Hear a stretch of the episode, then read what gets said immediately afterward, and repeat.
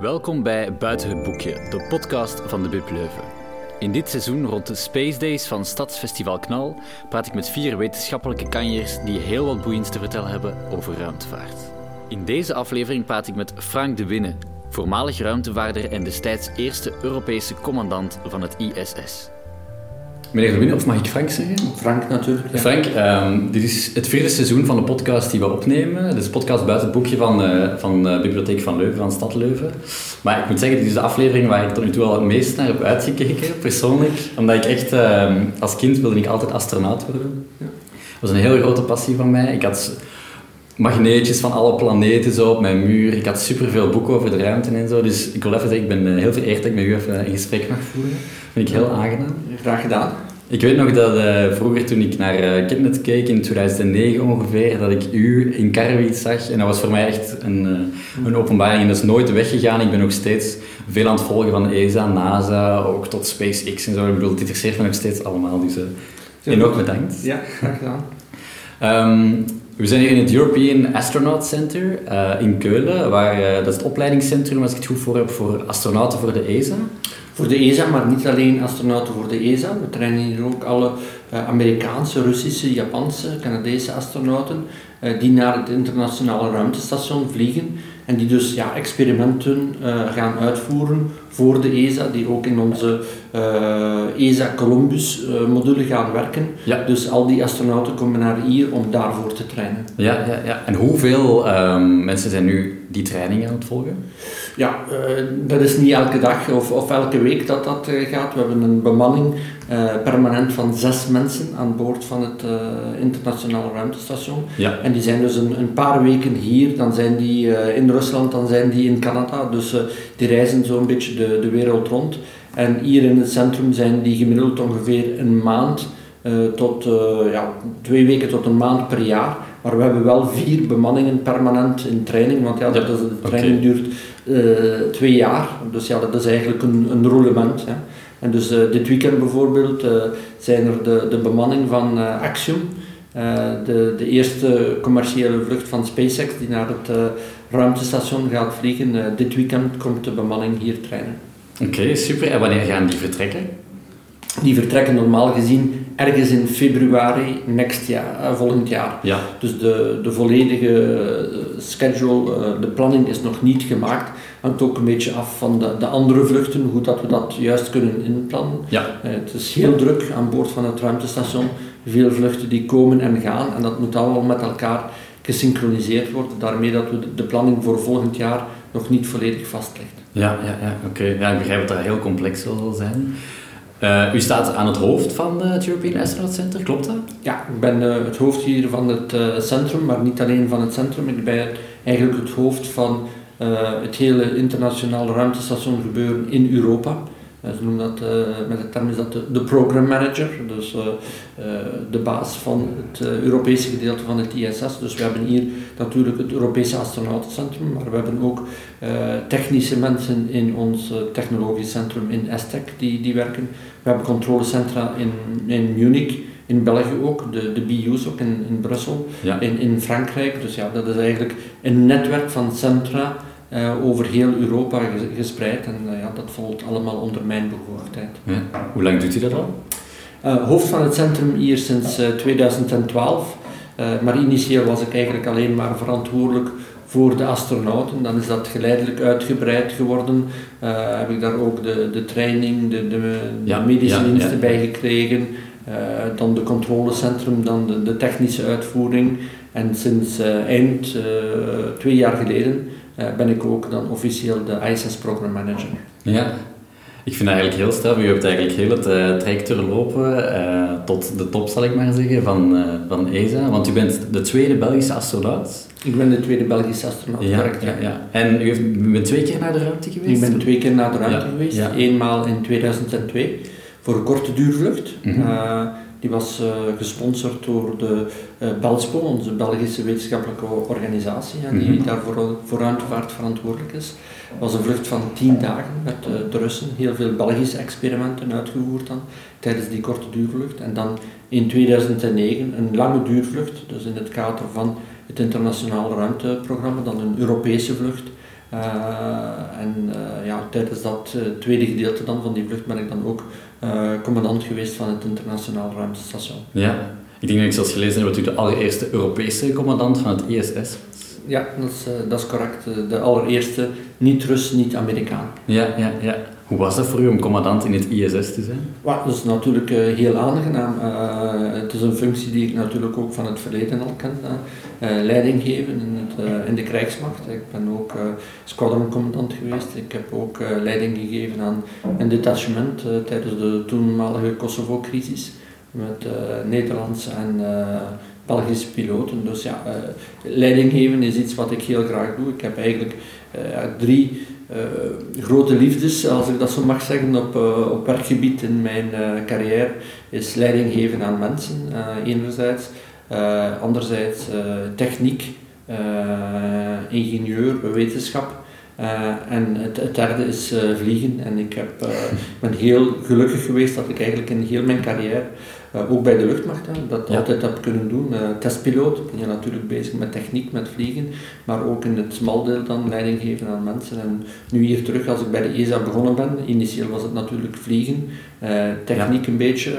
dan heb ik in het Columbus-programma gewerkt als, als ingenieur, dus terugtechniek. En, en nu ja, combinatie van alles, leiding geven aan mensen. Ja. mijn astronauten die vliegen, ik vlieg zelf natuurlijk niet meer. Maar we gaan nu in uh, volgende week, binnen twee weken eigenlijk, uh, gaat Matthias Maurer gelanceerd worden naar het ruimtestation. Ga ik naar Florida. Dus ik ondersteun nog altijd de mensen die, die vliegen. Ja. Uh, en natuurlijk ook nog heel veel met wetenschap bezig. Ja, kan u mij eigenlijk zoiets meenemen naar hoe is dat allemaal tot stand gekomen? U bent de tweede Belgische astronaut, u staat nu aan het hoofd van de ESA. Ik bedoel, had een kleine Frank uit Gent dat ooit Nee, voorspeld? wat, wat was de inspiratie voor u? Een kleine Frank, uh, het Gent had dat natuurlijk uh, nooit niet voorspeld, maar het is eigenlijk ja, heel, heel langzaam gegaan, hè, heel, heel geleidelijk. Hè. Het is niet zo dat het in, één, nee. in één grote stap uh, gekomen is. maar was dat er al een droom? wel, het was vooral een droom geworden in de, in de humaniora. Ik was... ik heb het, als ik klein was, kunnen meevliegen met een oom van mij en toen wou ik absoluut piloot worden. Uh, in de humaniora was ik uh, ook heel geïnteresseerd in, in ruimtevaart, ook in wetenschap en wiskunde. Ja. Uh, en dan heb ik dus gekozen om naar de kadettenschool te gaan en via daar, via de kadettenschool naar de militaire school om ingenieur-piloot te worden. Dat leek mij toen op jonge leeftijd de, de beste mogelijkheid, hè, om dat ja, op, op, eigen houtje eigenlijk te, te realiseren. En dat is uh, ook gelukt, dus ik heb daar veel, uh, veel geluk mee gehad. Uh, hard gestudeerd natuurlijk ook daarvoor. En, dan ben ik ja, ingenieur-piloot kunnen worden. En toen juist op dat moment, als ik al een tijdje piloot was in het smaldeel, heeft de Belgische regering beslist om onze mirages te moderniseren. En in het kader van dat modernisatieprogramma hadden ze testpiloten nodig. En toen heb ik meegedaan ja, aan uh, een aantal interviews, selectie voor testpiloot. En uh, hebben ze mij daarvoor geselecteerd. En dat is dan, ja, dan ook de volgende stap geweest, want dan, als ik dan de ESA-selectie gedaan heb, uh, zochten ze ook testpiloten. Dus ik was dan al testpiloot als ingenieur. En, en, ja, zo is het eigenlijk stap per stap verder gegaan. Ja, en dan om echt astronaut te worden, hoe is, hoe is die stap van uh, dat u testpiloot was echt gegaan naar, u bent geselecteerd om naar het ISS te gaan? Wel, dat was een selectie in 1989. Uh, eh, heeft de ESA een selectie gedaan voor Europese astronauten, zoals we nu bezig zijn ja, ja, aan een selectie voor uh, nieuwe Europese astronauten. en ik heb dus ja, mij ingeschreven, dat, ik heb dat gezien in een advertentie in de krant, in de standaard. Uh, en ik heb uh, op die advertentie gereageerd en uh, dan mijn dossier ingediend en dan ja, stap per stap de hele selectieprocedure doorgemaakt. initieel was ik niet geselecteerd en er waren toen zes astronauten geselecteerd, want het programma werd toen ook ineens ingekort. Het was het plan van er tien te selecteren, uiteindelijk waren het er maar zes. Maar dan in 1998 heeft ESA beslist van alle nationale korpsen, waar er was toen nog een Duits astronautenkorps, een Frans, een Italiaans en zo verder, van het allemaal te groeperen in een Europees astronautenkorps. En naar aanleiding daarvan hebben ze dan ook een aantal bijkomende recruteringen gedaan Ja. van de wervingsreserve die er nog was van eh 89. Waar u eh, op stond. dan. Waar ik op stond en toen hebben ze mij opgevist en eh, toen ben ik eh, dus astronaut kunnen worden. En dan dankzij de Belgische steun, eh, met de, de vlucht die ze dan eh, eh, gesponsord hebben eh, met het wetenschappelijks, vanuit het wetenschappelijks beleid, tamelijk snel in 2002 eh, een korte duurvlucht kunnen doen. Ja. Ja, en dan daaruit dan verder getraind, mijn opleiding gedaan en dan uiteindelijk ja, commandant kunnen worden van het internationale ruimtestation. ja, ik vind het ongelooflijk. Het lijkt me vooral, ik vind het heel sterk om te horen dat het via een krantadvertentie gegaan is. Dat lijkt me een, heel, een van de belangrijkste krantadvertenties. Eh. Ja, en ik, ik had die zelf niet gezien, maar eh, Ah, van de, eh, mijn, familie, mijn vrienden, die wisten natuurlijk dat ik daarin geïnteresseerd was ondertussen in, in de ruimtevaart, hè, in, de, in de shuttle eh, zeker. Eh, ik zat toen aan de militaire school als kandidaat-leerling piloot. Toen de, het ruimteveer, de shuttle, de Amerikaanse shuttle, voor de eerste keer vloog. Mhm. Ja, en ik was daar natuurlijk eh, enorm in geïnteresseerd als eh, ingenieur, eh leerling-piloot, ja, met zo'n machine kunnen vliegen. eh, dat is natuurlijk eh, eh, geweldig. Eh, dus die wisten dat, ja. En van- van zodra dat zij dat gezien hebben, hebben ze mij dat gemeld en gezegd. Goeie vrienden. Dat, dat, goeie vrienden, dat, dat, zou- dat is nog iets voor u. Dus, eh, Ja. En ik ben persoonlijk mijn eh, kandidatuur gaan afgeven op, het, op wetenschapsbeleid, want ik was bang dat mijn brief zou verloren gaan in de post. Dus Ja, ja, ja. Je wou niks aan toeval overlaten. ik wou niks aan het toeval Nee, overlaten. nee, dat begrijp ik. Ja. Maar dan uw allereerste vlucht, hoe voelde dat om, om dat mee te maken die dag dat u, dat u opsteeg? Maar die dag eh, natuurlijk is er, is er wel wat spanning. Hè. Eh, Ja. Natuurlijk ben je heel blij. Je hebt toch een, heel lang parcours afgelegd om daar te, te geraken. Eh, je bent blij dat je dan uiteindelijk kan vliegen, maar als je niet wat spanning hebt, als je bovenop een raket zit en je wordt naar de ruimte afgeschoten, dan weet je eigenlijk niet goed waar je mee bezig bent. Hè. En dat is ook goed, omdat je dan, eh, ja, dan heb je wat adrenaline. Ja. Eh, dat houdt je alert. Hè. Je kan sneller denken. Eh, dus eh, dat, dat is ook goed dat er eh, wat spanning is natuurlijk. hè. Ja, ja, ja. Met hoeveel mensen was je toen vertrokken? Met drie mensen, dus in de Soyuz vliegen er altijd drie Ja, mensen mee. ja. Wat waren de nationaliteiten van de anderen? de, mijn twee collega's waren Russen op dat moment. Het was een, wat ze dan noemen een, een taxivlucht. Dus er was een, een de Soyuz kan zes maanden Mhm. aan boord van het internationale ruimtestation blijven. Die doet daar dienst als reddingssloep ook. Maar dus om de zes maanden moet die vervangen worden. En dus onze, onze missie was van een Soyuz naar boven te brengen en dan met de andere Soyuz naar, eh, terug naar beneden te komen. Ja, ja. Oké. En dat is dus een taxivlucht. We noemden dat in de tijd noemden we dat een, eh, een, een taxivlucht inderdaad. Ja, ja. Eh, eh, Coolste taxi de ter wereld zou ik zeggen, maar het is zelfs eigenlijk verder dan de wereld. Ja. Ja, ja. En, en dus ja, we bleven ongeveer tien dagen aan, aan boord eh, van het eh, internationaal ruimtestation. Ja. Eh, en gedurende die tien dagen konden we dan natuurlijk ja, ook heel veel experimenten uitvoeren. Ja, ja, ja. Zo'n dag in het ISS, hoe ziet zo'n dag er eigenlijk uit? Is er ook sprake van, van dagritme? Want er is natuurlijk niet echt een, een dag en nacht. Hoe pakken jullie dat aan als eh, astronauten? Een, een, een dag in het ISS ziet er eh, heel gelijkaardig uit als een dag eh, zoals hier. Hè. Er is natuurlijk geen dag-nachtritme, want inderdaad, je, je cirkelt 16 keer per dag rond de aarde, dus je hebt 16 keer een, een zonsopgang en een zonsondergang. Maar ja, we regelen de dag per GMT, dus dat is eigenlijk Greenwich Mean Time, dus dat is de, de uurtijd die we aanhouden aan boord van het internationaal ruimtestation. En rond 6 uur 's morgens staan wij op. Ja. En dan is er eh, ochtendroutine. eh, Wat houdt die zoal in, die routine? Ja, zoals eh, hier op de, op de aarde, je omkleden, eh, ontbijten, eh, tanden poetsen. Dus voilà, Heel aardse dingen eigenlijk. heel, heel aardse dingen natuurlijk, want we blijven mensen, we moeten leven. hygiëne blijft heel belangrijk. Hè. Ook als je met zes, maan, zes mensen op een heel kleine ruimte leeft, wordt dat heel belangrijk ook. Hè, dat Ja. iedereen goed zorg draagt van zichzelf, er verzorgd uit, ook uitziet. Hè, voor, zijn, voor de, de mensen waarmee dat je samenwerkt eh, Mhm. de hele dag. Dus dat is heel belangrijk. Uh, daarna is er ontbijt en dan om 7.30 uur normaal gezien beginnen we met de, wat we zeggen, de Daily Planning Conference. Dat is een, eh, de start van de dag, van de werkdag, waarin dat we een conferentie hebben met alle controlecentra eh, op de wereld, eh, waar een beetje overlopen wat er die dag moet gedaan worden, wat de specifieke punten zijn, Ja. eh, waar En we dat is- aandacht moeten aan besteden. 10, 10 15 minuutjes, hè, dat is niet zo lang. Hè. ja. En je hebt dan contact met, eh, ESA, NASA? Ja, of, dus uh, het uh, voor, voornaamste controlecentrum bevindt zich in Houston, ja, ja. bij de NASA. Dus die hebben de overal controle van het ruimtestation. Maar voor onze Columbus-module bijvoorbeeld hebben wij ons controlecentrum in Munich, in Oberpfaffenhofen. Uh, en dus uh, ja, dan hebben we ook contact met hem ja. voor, voor de, de, activiteiten die in Columbus uh, moeten gebeuren. in, in Rusland is dat in Moskou, in Tsup. en voor Japan is dat in Tsukuba, waar een technologisch centrum is van, van JAXA. Ja. en dus ja, dan spreken wij met die mensen. En daarna begint dus uw werkdag. Ja, uw, uw werk is gepland. Ja, de ene activiteit naar de andere. Je kiest niet wat je doet natuurlijk. Ja, van het ruimtestation. De hele dag is voor jou gepland. Ja, geen ruimte voor ontspanning. Ruimte voor ontspanning. Er is af en toe wel een vijf minuutjes break of zo tussen verschillende activiteiten. Maar ja, dat is het een na het ander. Ja. En dan rond de middag is er wat we noemen een midday meal. Wordt altijd een uur gepland voor, voor de lunch.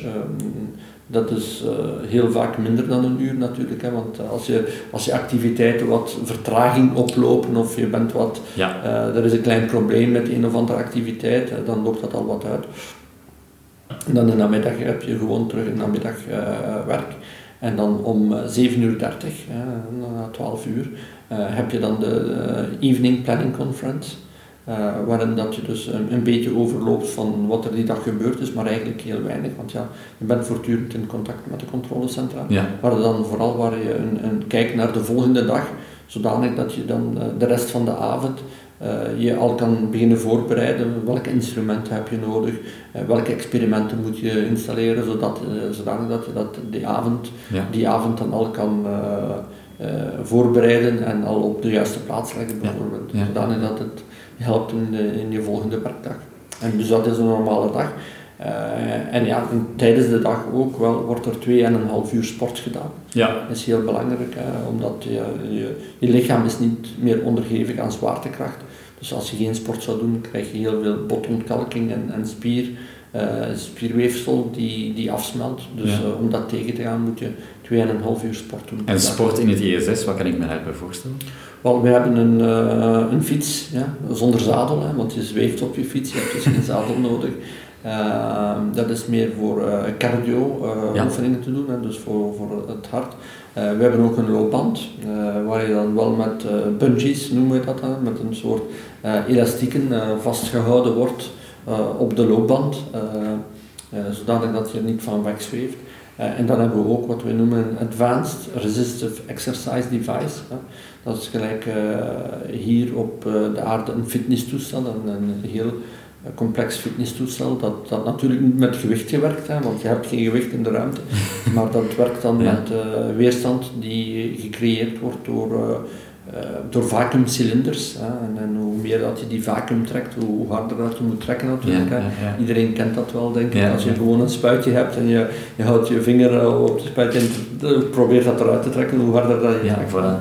Ehm, Dus echt ruimte-specifieke fitness gewoon. En dat is ruimtespecifieke fitness. En, eh, dus daar doen wij natuurlijk heel veel oefeningen Ja. om, om onze, ja, onze beenderen, eh, ook arm, spiermassa op, op peil te houden. En dan zo s'nachts, bijvoorbeeld uw allereerste nacht, heeft u een beetje geslapen toen? Eh, ja, ik denk het wel. Het is natuurlijk een hele lange dag. De dag van de lancering. Eh, je staat op ongeveer 9 uur voor de lancering. Dan Mhm. word je gelanceerd en dan eh, een keer dat je in de ruimte bent, dan moet je de eerste, eh, in mijn tijd was het ook zo, vlogen we twee dagen naar het internationaal ruimtestation. Ja. Eh, al de, de checks uitvoeren, zodanig dat, dat, dat je weet dat het voertuig, de Soyuz, eh, correct is. Eh, en, en dat maakt dat je dan nog een, eh, zeker een zes, zevental uren bezig bent. Eh, dan moet je ook nog een klein beetje eten en zo. Dus het, Het is een heel- lange dag. Het is een heel lange dag natuurlijk. Ja. Hè, met ook nog wel wat spanning erbij, zoals we juist gezegd hebben. Dat, dat maakt dat je toch wel vermoeid bent op het einde van de dag. Ja. En in het ISS, zo s'nachts, is er minstens één iemand die altijd moet wakker blijven? Nee, Of- op de ISS, de, de bemanning gaat altijd samen gaan slapen. Dus eh, enfin, samen gaan slapen. De, eh, de, de planning voorziet dat je om tien uur naar bed gaat. Nu, eh, Ja. eh, we gaan niet altijd om tien uur naar bed. Hè. We- Het is geen Big Brother dat we gecontroleerd Nee, worden nee, door nee. De, de grond natuurlijk. Maar dus de planning voorziet voor iedereen eh slaap tussen tien uur s'avonds en zes uur 's morgens. Dus acht Ja. uur slaap eigenlijk wordt ja, voorzien voor de bemanning. Hoe zit eh, de communicatie met het thuisfront met familie? de communicatie met het thuisfront en familie gebeurt via e-mail. je hebt dus e-mail-toegang aan boord van het ruimtestation. In mijn tijd was dat nog maar drie keer per dag en werd dan gesynchroniseerd. Je was dus offline en werd dan gesynchroniseerd. nu is dat al veel meer online, nog niet 100%, want ja, je hebt ook niet 100% satelliet coverage. Ja. Maar als je satellite coverage hebt, wordt er, uh, gebeurt er een automatische synchronisatie. Ja. Uh, dus dat is uh, één. je hebt ook een IP-telefoon, internet protocol telefoon, een beetje zoals Skype. en dan kan je eigenlijk iedereen op de aarde bellen vanuit het ruimtestation als je een satellite link hebt. maar je kan niet gebeld worden. Okay. Dus het is one way. Uh, en dan aan de andere kant heb je dan ook eenmaal per week wordt er dan een uh, two-way videoconference uh, gepland voor familie, vrienden. Van, dus eigenlijk, jij kan beslissen met wie dat je dat dan doet. Ja. maar dan kan je ze wel even zien, echt. Ja. Dan kan je ze even zien en zij kunnen ook u zien dan. Ja, ja, ja. Eigenlijk vandaag de dag, dus stel ik zou astronaut willen worden, bij ESA, wat zijn eigenlijk alle specificaties waaraan ik moet voldoen? Bijvoorbeeld nu, de, de kandidatuur die open is, wat zijn zoal de voorwaarden? Wat moeten die mensen allemaal doorgaan totdat ze eigenlijk echt geselecteerd zijn? Wel, de, de voornaamste voorwaarde die wij stellen vandaag is uh, uh, een goede opleiding. Je moet een master's degree hebben uh, in, in, medische wetenschappen of in andere wetenschappen of in ingenieurswetenschappen. Ja. Dus de opleiding is zeer belangrijk. Uh, twee, je moet een goede gezondheid hebben natuurlijk. Uh, maar eigenlijk het, grootste criteria is wel het uh, psychologische, de psychologische criteria. Je zoekt dus mensen die goed in team kunnen werken, die kunnen omgaan met andere culturen, die flexibel zijn, die snel nieuwe zaken kunnen aanleren. Uh, die ook uh, ja, psychomotorisch fit zijn, hè, want astronauten werken met hun handen. Hè. Mm -hmm. Als wij aan boord van het internationale ruimtestation werken, wij ontwikkelen daar niet de experimenten, wij zijn niet de wetenschappers. Hè. Wij voeren de, wetenschappers, uh, de wetenschap uit. Ja. Dus wij moeten vooral heel goed zijn ook om met ons handen te kunnen werken. Dus daar worden een aantal testen op georganiseerd en dat is eigenlijk het, het, moeilijkste. En daar beginnen we ook mee. dus de, de mensen die nu een kandidatuur gesteld hebben. Het eerste wat ze doen is kijken, ja, hebben zij de, voor de nodige opleiding, uh, hebben ze al in het buitenland gewerkt, spreken ze tenminste Engels, ja, want zonder Engels spreken natuurlijk gaat dat niet. en dan van daaruit, de eerste test die zij doen, is dan ook die psychomotorische testen die wij doen, psychologische testen. Uh, omdat die ook relatief gemakkelijk uit te voeren zijn en die zijn niet zo, zo duur. En dan ga je verder door het selectieproces, uh, uh, een aantal groepstesten, dan de, de medische testen en de meest complexe medische testen, zoals scanners, MRI's en zo verder, die houden we natuurlijk op het einde, ja, omdat die toch mhm. zeer duur zijn en, en je, kan, je wil dat niet op duizend mensen doen. Hè. Uh, ja. ja hoeveel inschrijvingen waren er zoal nu bijvoorbeeld aan het begin? Aan het begin hadden we 23.000 inschrijvingen. Van over heel Europa? Over heel Europa en wij zoeken uh, vier mensen. Oké. Dus, uh, ja. En vanaf wanneer stapt u dan mee in dat overzicht? Ik neem aan dat u ze niet alle 23.000 dossiers leest. Nee, kijk, ik lees niet alle 23.000 uh, dossiers natuurlijk. Uh, we hebben daar regelmatig uh, vergaderingen over. We hebben een heel team die door die, door die dossiers gaat. Ja. Ook ons Human Resources Department. en dan ja, krijgen we eigenlijk rapporten van de van de uitkomst en, en, dan begeleiden wij dat, bespreken wij dat, hoe, hoe dat de, de progressie is, zitten we on schedule, is er iets dat we moeten doen. en dan uh, finaal natuurlijk in de, in de laatste interviews. Uh, daar zit ik dan wel persoonlijk bij. Ja. Eerst zelf om van ja, misschien een, een 100, 150, 200 tal mensen naar een vijftigtal mensen te gaan. Mm -hmm. En dan in de heel finale interviews zit ik erbij als adviseur, want uiteindelijk is het de ESA-directeur-generaal die de laatste interviews leidt en die uiteindelijk de beslissing neemt. Ja, ja. Waar zitten we nu ongeveer in die fase? Nu zitten we in de, de eerste fase, dus we hebben al de, de kandidaturen gehad en we zijn nu aan het downselecten van de 23.000 kandidaturen die we binnengekregen hebben, naar ongeveer een 1000, 1500 die de eerste fase gaan doen, de psychomotorische testen. Ja, ja, ja. Ik vind dat het, het enthousiasme rond de ruimte en ruimtemissies en, en onderzoeken en zo lijkt naar mijn gevoel aan het groeien op dit moment. Door, ik denk, SpaceX, Blue Origin komt zoveel in het nieuws. Elon Musk is een, een beroemd figuur. Dus ik heb het gevoel dat dat echt wel meer en meer leeft de laatste jaren dan misschien een stuk daarvoor. Ik vraag me af, voelen jullie dat ook bij, bij ESA? Ja, wij voelen dat natuurlijk, dat er uh, heel veel enthousiasme terug is Ja. rond, uh, rond ruimtevaart. Ruimtevaart groeit ook enorm. Mhm. Uh, als je kijkt, de investeringen in de ruimtevaart wereldwijd, die groeien enorm. er is ook heel veel ja, te doen. als, als je kijkt, zonder ruimtevaart, waar zou het nog zijn? Hè? waarschijnlijk heb je Galileo, navigatiesysteem gebruikt om tot hier te komen. Uh, denken we maar aan de, opwarming van de aarde. Heel veel van hetgeen wat we weten wordt gemeten door, door satellieten. Ja. Uh, uh, communicaties, denken we maar aan. dat was natuurlijk het eerste aspect. Televisie heeft altijd gebruik gemaakt van de ruimtevaart, van satelliet, satelliettelecomunicatie, weervoorspellingen ook. maar ja, er, er, is zoveel mogelijk en er zoveel zaken die we nog in de ruimtevaart kunnen doen. Dat dat zeker een, een, een, groeiende business is. Kijk naar de, de mensen zoals uh, Facebook nu, maar ook Elon Musk, Jeff Bezos, die een aantal wat wij noemen mega constellations willen lanceren.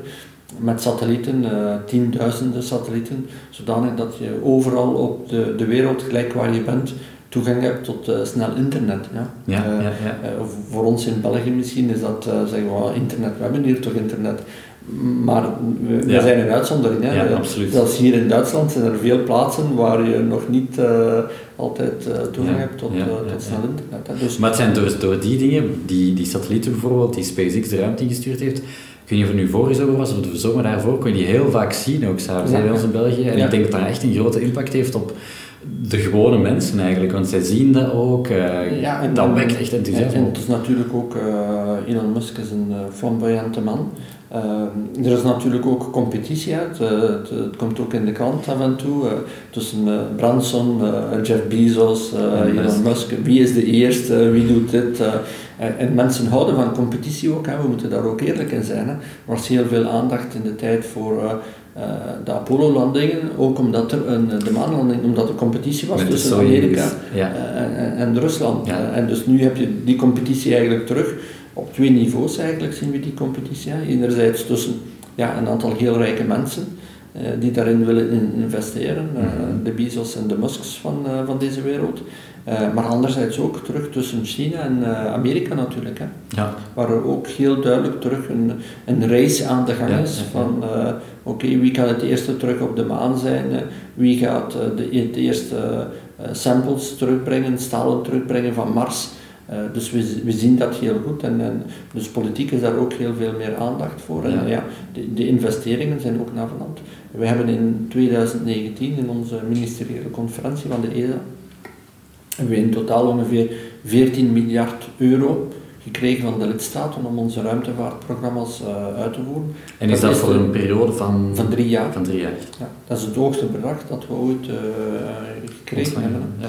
Eh, en dan nog is dat eh, relatief weinig. Hè. Je ziet, eh, dat is 14 miljard voor drie jaar voor alle ruimtevaartactiviteiten. Dus dat is ook aardobservatie, telecommunicatie, navigatie, bemande ruimtevaart, wetenschappelijke missies. Mhm. Als je daar aan tegen kijkt, NASA die krijgt ongeveer eh 2, 23 eh, miljard nu per jaar. Niet Ja. per drie jaar, per jaar. Ja. Maar eigenlijk om alleen aan exploratie te doen. Dus ja, je ziet dat wij Er met zit nog een deze- verschil tussen. Ja. er zit een heel groot verschil tussen. En als we dus kijken naar de budgetten die gelinkt zijn aan ruimtevaartexploratie, dan zien we dat we in Europa ongeveer 1 tiende uitgeven wat eh, de Verenigde Staten uitgeven vandaag.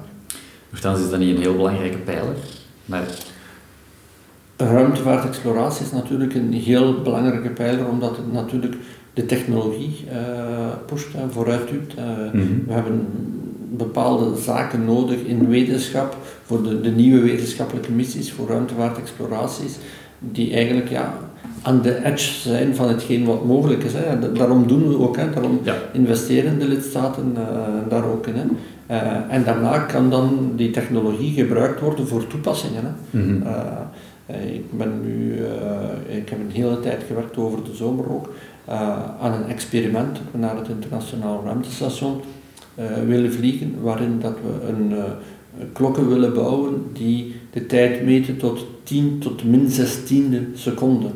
Je kan je zelfs dat niet meer voorstellen hoeveel dat, dat is. Dat is 0, en dan 16 nulletjes en dan 1 seconde.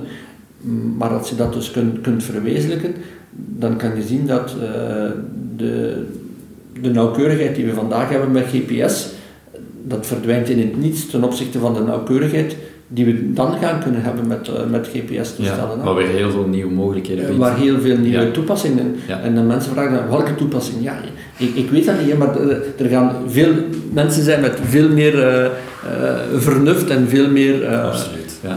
zou ik zeggen, business instinct, die daar zeker de toepassingen gaan kunnen voor vinden, die dan gaan zeggen, ja maar hoe deden die dat twintig jaar geleden, dat die dat, dat niet hadden? Toen we die nauwkeurig nog niet hadden. Dus ja, uh, als je dat nu aan jonge mensen vraagt, dan zeggen ja, maar uh, gsm, uh, als ik groot werd, gsm's, dat bestond niet. Ja, hoe, internet, dat bestond niet. Ja, maar hoe vonden jullie iets? Hoe deden jullie? Hoe communiceerden jullie met elkaar? Ja, ja exact. dus, voilà. Ja. Um, hoe kijken jullie eigenlijk naar de evolutie van de commerciële ja, hoe zou ik de commerciële bedrijven zoals SpaceX en uh, Blue Origin naar commerciële vluchten, zoals ze nu deze zomer eigenlijk alle drie gedaan hebben. Hoe kijken jullie daarnaar? Uh, ik denk dat dat uh, op zich een, een, zeer goede evolutie is. Hè. We moeten natuurlijk wel beseffen, en, en, dat is een kleine bemol die ik er wil bij, bij plaatsen, is dat zeker SpaceX Blue Origin iets minder, mhm. eh, maar die vliegen ook nog altijd niet orbitaal, die hebben alleen maar suborbitale vluchten gedaan. Maar SpaceX met de, de orbitale vluchten, ja, die zijn natuurlijk groot geworden door al de investeringen van NASA. Mm ze hebben enorme contracten gekregen van NASA om hun ruimtevaarttoestellen te, te ontwikkelen. En dan zeggen we, ja, dat is commercieel. Uh, ja, nu beginnen pas de eerste commerciële toepassingen daar, daarvoor te komen. Uh, daarvoor was dat natuurlijk allemaal betaald, ook door uh, overheidsgeld. Ja. Het werd op een andere manier voorgesteld, maar het, het, was wel degelijk zo. Maar op zich is dat een goed, goed element als dat leidt tot competitie. Mm En als de competitie leidt tot betere veiligheid en, en kostenverlaging. En, en daar moeten we toch naar kijken dat dat in het, zo is. Momenteel zien wij dat nog niet gebeuren. Momenteel zien wij dat eigenlijk uh, het commerciële aspect ervan alleen leidt tot meer kost. Want ja, een commercieel bedrijf wil winst maken. Hè. Mm -hmm. uh, dat is de essentie van een commercieel bedrijf. Hè. Ja, ja. Uh, dat, dat, dus die, die zijn er niet om, die hebben niet wetenschap als een grootste hoeksteen, ja, ja, hoeksteen of, of niet nieuwe technologie ontwikkelen. Ja, mm -hmm. Die ontwikkelen nieuwe technologie als het een meer winst kan opleveren. Ja, ja, ja. en dus in, in, in dat moeten we toch wel een klein beetje uh, voorzichtig zijn, zou ik zeggen. Is het dan niet rechtstreeks zo dat bijvoorbeeld door uh, de SpaceX-raketten die uh, nu zelf landen, waardoor ze herbruikbaar zijn, veel sneller herbruikbaar, is het dan niet zo dat dat meteen een economisch voordeel geeft en of versnelling geeft dat we kunnen sneller terug opstijgen? En, en dat is de bedoeling natuurlijk, dat ja. dat zo wordt. geleidelijk wordt dat ook wel zo, maar het economisch voordeel zien wij vandaag nog niet. Het, het economisch voordeel verdwijnt vooral in uh, in de mensen, in de bedrijven die die, die technologie ontwikkeld hebben. Ja, ja. Maar de kostprijs voor de, voor de lidstaten, voor, voor NASA en voor ons is nog niet verlaagd. Is nog hetzelfde. Ja. Is nog hetzelfde. Dat is iets voor op lange termijn hoop uh, dus, uh, en, en daarom dat je de competitie moet hebben, want nu heb je eigenlijk maar één provider. Hè. Als je dat kijkt, je noemt altijd hetzelfde bedrijf, SpaceX. Naar het ruimtestation is het SpaceX die, die vliegt hè, met, met bemanningen. Ja. moest je alleen maar één luchtvaartmaatschappij hebben, uh, ja, dan zou je ook uh, niet goedkoop een citytrip kunnen doen ja. naar, naar Barcelona. Mm -hmm. maar het is omdat er competitie is tussen Ryanair, tussen weet ik veel wie, welke andere maatschappij natuurlijk, dat je aan, aan die goedkopere prijzen komt. Ja. En als dat het geval is, is dat natuurlijk een goede zaak voor de overheid, want dan kunnen wij de vrijgekomen middelen beginnen gebruiken voor de volgende prioriteiten die we hebben. En de volgende prioriteit in Europa, niet alleen in Europa, maar ik denk ook overal in de wereld, is, is het verder verkennen van de maan. Hè. Ja. En op een andere manier dan dat we gedaan hebben met Apollo. Apollo was een race terug, ja. Dus, uh, en dan loop je de race, je bent de eerste die daar geweest bent en dan, ja, wat ga ik nu doen? Ja? Ik heb de race gewonnen, wat is de volgende stap? En dan zie je dat heel snel het Apollo-programma eigenlijk is uh, gecanceld geweest, gestopt geweest, hè, na, na zeven, uh, zeven missies, zes geslaagde landingen. Ja, hier is het werkelijk de bedoeling om op een duurzame manier de, de maan te kunnen blijven verkennen. Uh, Zoals we nu het internationale ruimtestation, we vliegen daar nu 20 jaar. Gedurende 20 jaar doen we continu aan wetenschappelijk onderzoek, uh, verbeteren we dit systemen en zo verder. Uh, dat we dat ook op de maan kunnen doen en, en dat op een duurzame manier uh, onderzoek, wetenschap, technologie kunnen ontwikkelen op de maan. Dus een permanente bemanning uh, van de maan? In, in, het begin zal het geen permanente bemanning zijn. Hè. Ruimtestations in het begin waren ook geen permanente ja, ja, ja. bemanning. Hè. In de Sayout was het ook, uh, die werden ook af en toe bezocht. Uh, maar uiteindelijk is dat uitgegroeid tot een permanente bemanning. En ik denk dat het ook, als we spreken van een duurzame manier van de, van de maan te verkennen, zal het ja, voor, voor langere tijd zijn. Hè. Niet, niet een missie terug van 1, 2, 3 dagen, misschien de eerste jaar, maar dan voor een week, voor twee weken op verschillende plaatsen. Uh, kijken waar het het interessantst is om eventueel een maanbasis te bouwen en dan dat misschien op termijn uh, een, een permanent of semi-permanente basis te hebben. Maar dus dat werkelijk op een duurzame manier te doen. En een van de zaken die we moeten ontwikkelen daarvoor natuurlijk is het uh, lokale gebruik van de, van de resources, van de middelen die daar zijn. En ik denk dat vooral aan water. Ja. Uh, mensen hebben water nodig om te leven. Hè. Mm -hmm. uh, vandaag de dag naar het ruimtestation transporteren wij dat water met raketten naar het ruimtestation. We recyclen natuurlijk ook heel veel, 80% wordt recycled, maar dan nog een heel deel moet getransporteerd worden. Maar het zou toch veel beter zijn als we dat water lokaal, bijvoorbeeld op de maan, zouden kunnen uh, recupereren en dan gebruiken. En we noemen dat met een uh, ingewikkelde term ISRU, Institute Resource Utilization. Ja. ja. Uh, en daar wordt nu heel veel in geïnvesteerd. Ook hier in het centrum doen wij daar onderzoek naar. Uh, maar ook in Luxemburg bijvoorbeeld, ze hebben nu een, een centrum opgericht die uh, specifiek uh, onderzoek doet naar hoe kunnen wij gebruik maken van de middelen, van de, de resources die er zijn ja. in de omgeving van de ruimte, zodanig dat we niet alles van de aarde naar de ruimte moeten brengen. Ja, ja, ja. wat een heel groot voordeel zal bieden natuurlijk. Dat zal een heel groot voordeel bieden. Het probleem is, uh, hoe ontwikkel je die technologie? Mm -hmm. En die technologie kan je dus alleen maar ontwikkelen, inderdaad, als je een duurzame exploratie hebt, als je dat stap per stap uh, ontwikkelt. Hè. Ja. Het is niet uh, uh, morgen dat wij een fabriek hier op de aarde gaan bouwen en dat we die naar de, naar, naar de maan kunnen lanceren natuurlijk. Hè. We Ja, gaan dat ja. stap voor stap met kleine modules moeten ontwikkelen, zoals dat we eigenlijk ook het ruimtestation ontwikkeld Ja, ja, hebben. ja.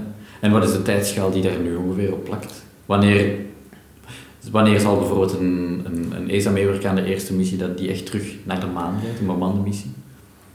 De, de ESA heeft uh, vorig jaar, of in de ministeriële in 2019, eigenlijk de beslissing genomen om mee te werken in het uh, NASA-project, dat is called the Gateway. Ja. Ja, het Gateway-project.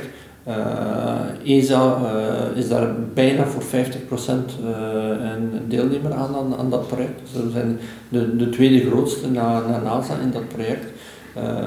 En dus dat de eerste lanceringen daarvan gaan gebeuren in 2023, 2024. Uh, de eerste astronauten gaan waarschijnlijk vliegen in 2025. En wij hebben ook met ESA drie astronautenvluchten voorzien naar de Gateway tussen uh, ja, het begin, pak 2025 en 2030. Ja. Dus dat zal de eerste keer zijn dat we ook uh, Europese astronauten gaan hebben uh, die naar de Gateway gaan vliegen. maar we willen eigenlijk meer, want de Gateway ja, is aan de omgeving van de maan, maar de doelstelling van ESA is werkelijk onderzoek te doen op, het, op de maan zelf. Ja. En, en dus het, het, de programma's die we nu gaan voorstellen aan de ministeriële conferentie in 2022, elke drie jaar hebben wij een conferentie van de, de ministers in Europa die beslissen over de toekomstige programma's. Mm -hmm.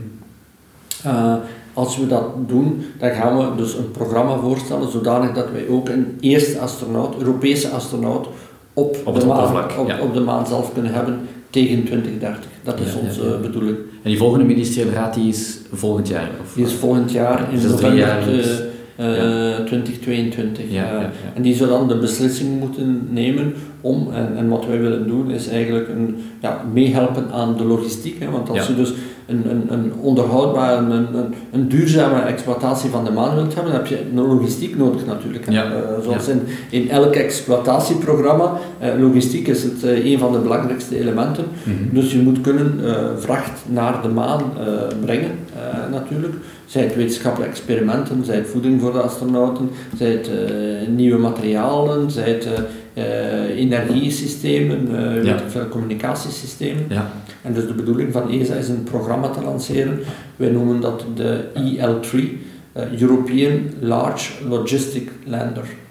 Eh, en dat is dus een, een, een, een toestel dat tot 2 ton vracht naar de, de oppervlakte van de maan zou kunnen brengen.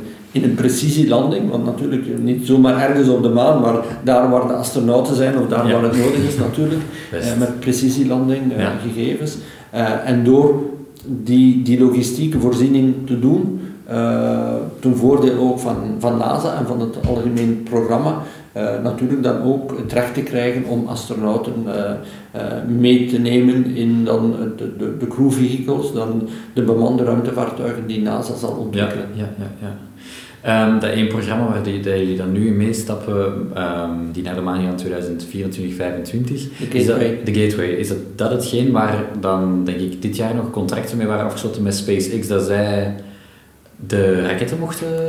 Eh, SpaceX gaat een aantal eh, raketten leveren. Dus de eerste Ja. module, de, de Power Propulsion Element, hè, dus een, een, een element die de, de energie gaat voorzien, eh, Ja. maar ook die eh, de, de aandrijving gaat voorzien of, of de oriëntatie kan voorzien van de Gateway, zou gelanceerd worden in 2023, 2024.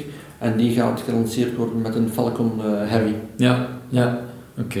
Dus jullie hebben eigenlijk op die manier als, als ESA een directe samenwerking met SpaceX ook? Eh, nee, de pro- Propulsion Element is, eh, is een element van de NASA. Oké. Dus eh, alhoewel dat wij daar, daarbovenop op de Power Propulsion Element komt wat we noemen de Halo, een hele kleine module die eigenlijk een initiële leefcapaciteit heeft, maar vooral een dockingmodule dat de Ja. verschillende elementen daar kan eh, aan aanmeren.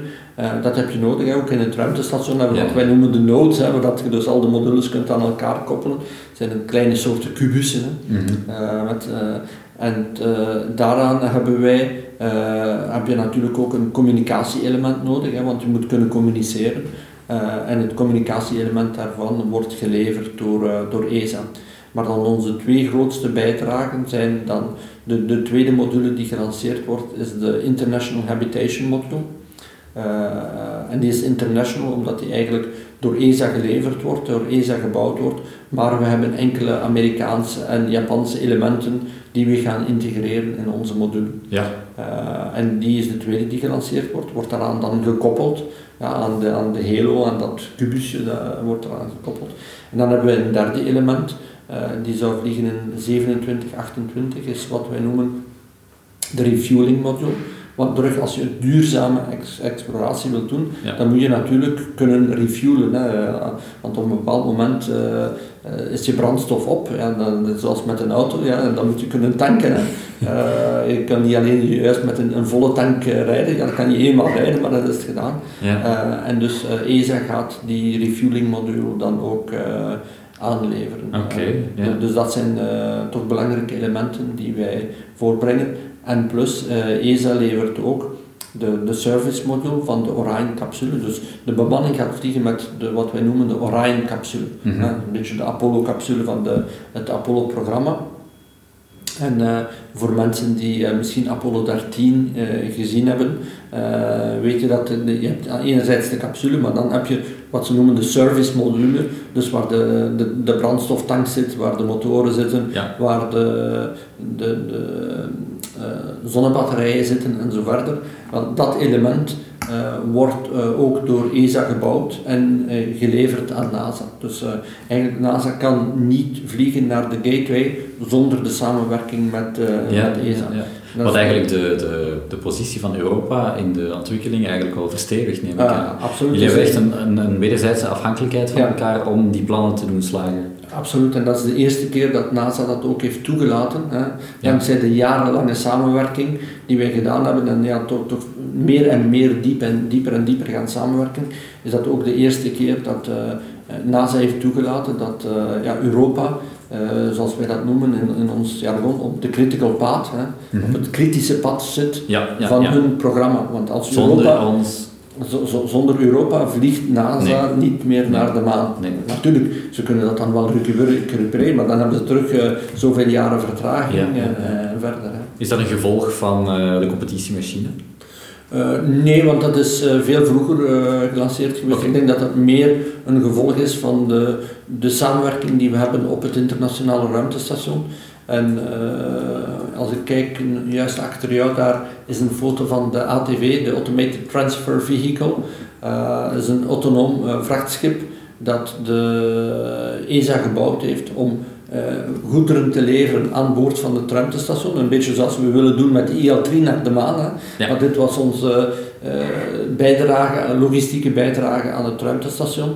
Uh, en daarin hebben we heel uh, dicht met NASA samengewerkt en, en toch heel veel technologie en uh, capaciteit, maar ook heel veel credibiliteit gewonnen met onze NASA-collega's. Ja. dat de ATV heeft feilloos gewerkt gedurende de, de vijf vluchten.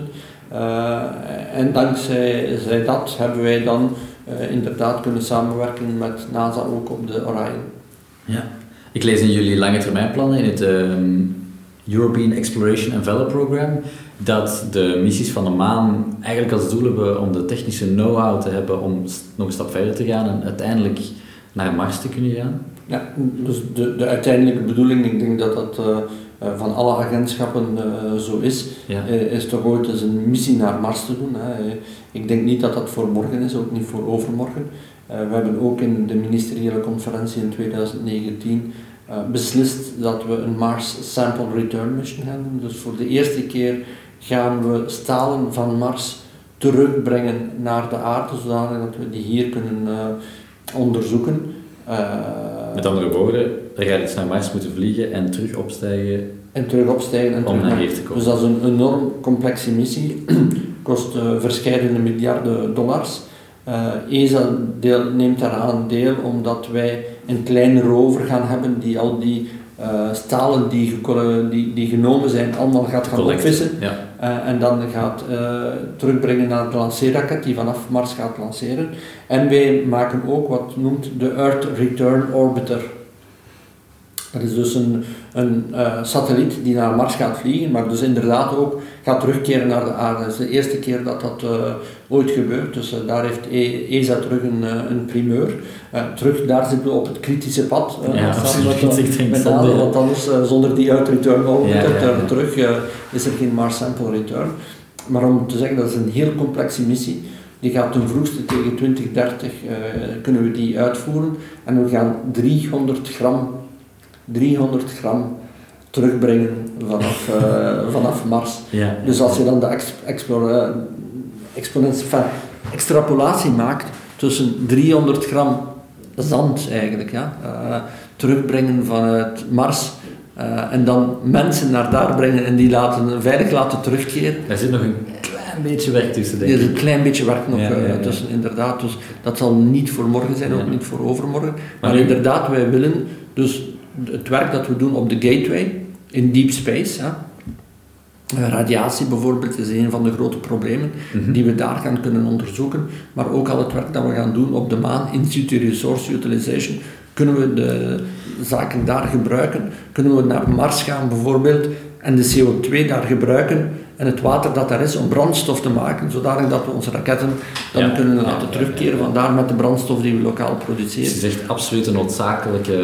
ehm, de volgorde van eerste maan, dan Mars, is echt noodzakelijk om het zo te doen. Voor mij is dat absoluut Ja. noodzakelijk. Er zijn nog altijd mensen die zeggen, nee, we moeten eh, zo snel mogelijk naar Mars en terug. Oké, En dan ga je dat eenmaal doen en dan, eh, dan heb je een ander Apollo-programma Ja. en, en dan, dan, wat doe je dan voor de, de volgende? Ja, ja, ja. Dus ik ben veel meer om dat stap per stap te doen, geleidelijk, maar op een duurzame manier, Ja. die ook veel meer eh, ja, return kan opleveren in technologie Ja, voor de mensen hier op aarde. Eh, eh, terug heel veel van de zaken die wij moeten doen op de maan kan ons helpen hier. Ik neem één voorbeeld, energietransitie. Op de maan heb je 14 dagen zonlicht natuurlijk hè, in, in de maan. Dus je kan daar zonne, zonnepanelen hebben, oké, alles goed. Maar dan heb je 14 dagen nacht. Eh, hoe overleef je de 14 dagen Ja, nacht daar? ja. Eh, op de maan hebben we natuurlijk, eh, we hebben geen steenkool, we hebben geen olie. Dus het kan alleen maar met hernieuwbare energie. Ja. Dus hoe lossen wij dat energievraagstuk stuk op om inderdaad op duurzame manier op de maan te, kunnen, te kunnen leven en werken? Eh, als je dat daar kan oplossen, kan, heeft dat Dan een directe oplossing. eh, Ja, voor hier ja, op, ja, op de aarde natuurlijk. Hè. Dus, eh, en, dat zijn toch een aantal zaken die we moeten bekijken van laat ons dat stap per stap doen. laat ons voldoende investeren in technologie die ook bruikbaar is hier op de aarde. Mars zal er nog zijn binnen 100 jaar, binnen 1000 jaar en binnen 10.000 jaar zal Mars er nog altijd lijkt, zijn. Hè? het lijkt een logische evolutie inderdaad. Maar in alle eerlijkheid, eh, om bijna af te sluiten, ik ben nog maar 21, bijna 22 en als ik hoor, vroeg ze 2030, voor mij klinkt dat wel heel dichtbij, dus ik vind het wel heel spannend en tof om te horen dat, eh, dat we waarschijn- waarschijnlijk in ons leven nog wel wat gaan meemaken. Eh, ik denk het wel. Ik denk, ik zeg het, tegen 2030 een Europeaan die op de, op de maan stapt. Tegen ongelooflijk. 2030 eh, eh, de eerste stalen die we gaan terugkrijgen van Mars wordt onderzoeken. Is daar nu werkelijk leven geweest of niet? Eh, of, of zijn er daar tekenen dat er leven geweest is? Of, of kunnen we daar iets doen eh, op Mars? Mhm. En we zien toch inderdaad, zoals je zegt, de, de laatste jaren is er duidelijk een versnelling Ja. terug aan de gang. Zowel kwestie van investering van private investeerders, maar ook van de overheden, hè, die ook het belang zien van, van de ruimtevaart en, en van ja, een nieuw perspectief toch te bieden ook Ja. aan, aan jonge mensen. Ja, we zien dat eh, ruimtevaart, ik kijk nu naar onze astronautenselectie, 22, 23.000 jonge mensen in, in, Europa die zich daarvoor ingeschreven Dat hebben. is helemaal niet niks. hè. Dat is helemaal niet niks. Het, eh, en, en je ziet dikwijls, ja, het, het is bijna allemaal slecht nieuws hè, eh, vandaag in, in de wereld. Het gaat niet goed tussen Amerika en, en, en Rusland en China. Eh, er is de climate change, eh, eh, klimaatverandering, eh, er is corona. Eh, we moeten toch ook een aantal positieve projecten, eh, denk ik, eh, durven naar voren brengen. Absoluut. En ik heb, ja, naar mijn ervaring is, is het nieuws dat over de ruimte nu gaat, is dat die factor. En dat vind ik heel aangenaam persoonlijk. Ja. Ja, ja. Nog een allerlaatste vraag. Bestaat eigenlijk ooit de kans dat u zelf nog terug naar de ruimte gaat? Nee, ik zelf naar de ruimte gaan eh, niet, maar je mag nooit, niet nooit zeggen. Hè. Never say never again eh, was eh, een James Bond film, omdat James Bond nu terug in het nieuws is, denk ik, Ja. recentelijk met, de- met de nieuwe film. Ja. Uh, dus dat, dat mag je natuurlijk nog niet zeggen, maar ik denk we moeten nu investeren in de jonge mensen. Hè. Ja, we hebben in ja. 2009 een nieuwe selectie gedaan. Al die mensen hebben nu gevlogen, vliegen, doen nu hun tweede vlucht.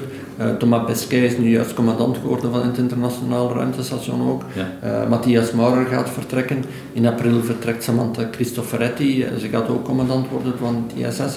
En dan hebben we nu de nieuwe selectie. Dus Ja, nee. ik, ik denk dat we moeten investeren in jonge mensen. Ja, ik, heb, eh, ik ben heel tevreden geweest met eh, mijn twee vluchten die ik mogen doen heb. Eh, ik voel me heel ge- geprivilegeerd dat ik die kans gekregen heb. Eh, er zijn eh, de twee beste jobs in het Europese ruimtevaartagentschap is één astronaut zijn en die heb ik kunnen doen. En de tweede beste job is baas zijn van de astronauten en die heb ik ook kunnen doen. We hebben van de bibliotheek van Leuven eigenlijk speciaal voor u een, eh, een geschenkje meegenomen. Dus ik ga je dat even geven, Dank u wel. alsjeblieft. Voor de luisteraars, we hebben twee boeken aan Frank de Winnie gegeven, waarvan het tweede als titel heeft... Frank, Frankie. Frankie goes to Hollywood. Mijn, mijn kinderen zeggen dat soms tegen mij. Het tweede boekje is Frankie en uh, gaat over een astronaut. Het gaat over een astronaut. Heel fijn, ik wist zelfs niet dat dat boekje bestond. Ja, dus, ja, uh, ja. En als alles goed is, zou er normaal gezien een persoonlijke boodschap in moeten staan van de auteur. Leo Timmers. Yes. Heel mooi. Het lijkt alsof het over u gemaakt is. ja, ja. Wel, ik heb uh, een kleinkind, Mia. Mm -hmm. juist, dus... Proficiat, hè? Ik denk, ja, ik, ik denk dat zij... misschien is ze nu nog een klein beetje te klein, maar binnen een aantal jaar zal ze daar ja. heel veel kunnen van genieten als ze bij mij op bezoek komt. Super, dan zijn wij ook heel blij. Voilà. Frank de Winne, enorm, enorm bedankt voor dit gesprek. Ik vond het zelf echt fantastisch. um, dus uh, ja, enorm bedankt. En uh, ik ben heel blij dat wij deze kans gekregen hebben. Graag gedaan. Dank u wel. De volgende keer praat ik met Hetty Helsmoortel, wetenschapswatcher, organisator van het Sound of Science Festival en bovenal kandidaat astronaut bij ESA. Bedankt voor het luisteren. Tot de volgende.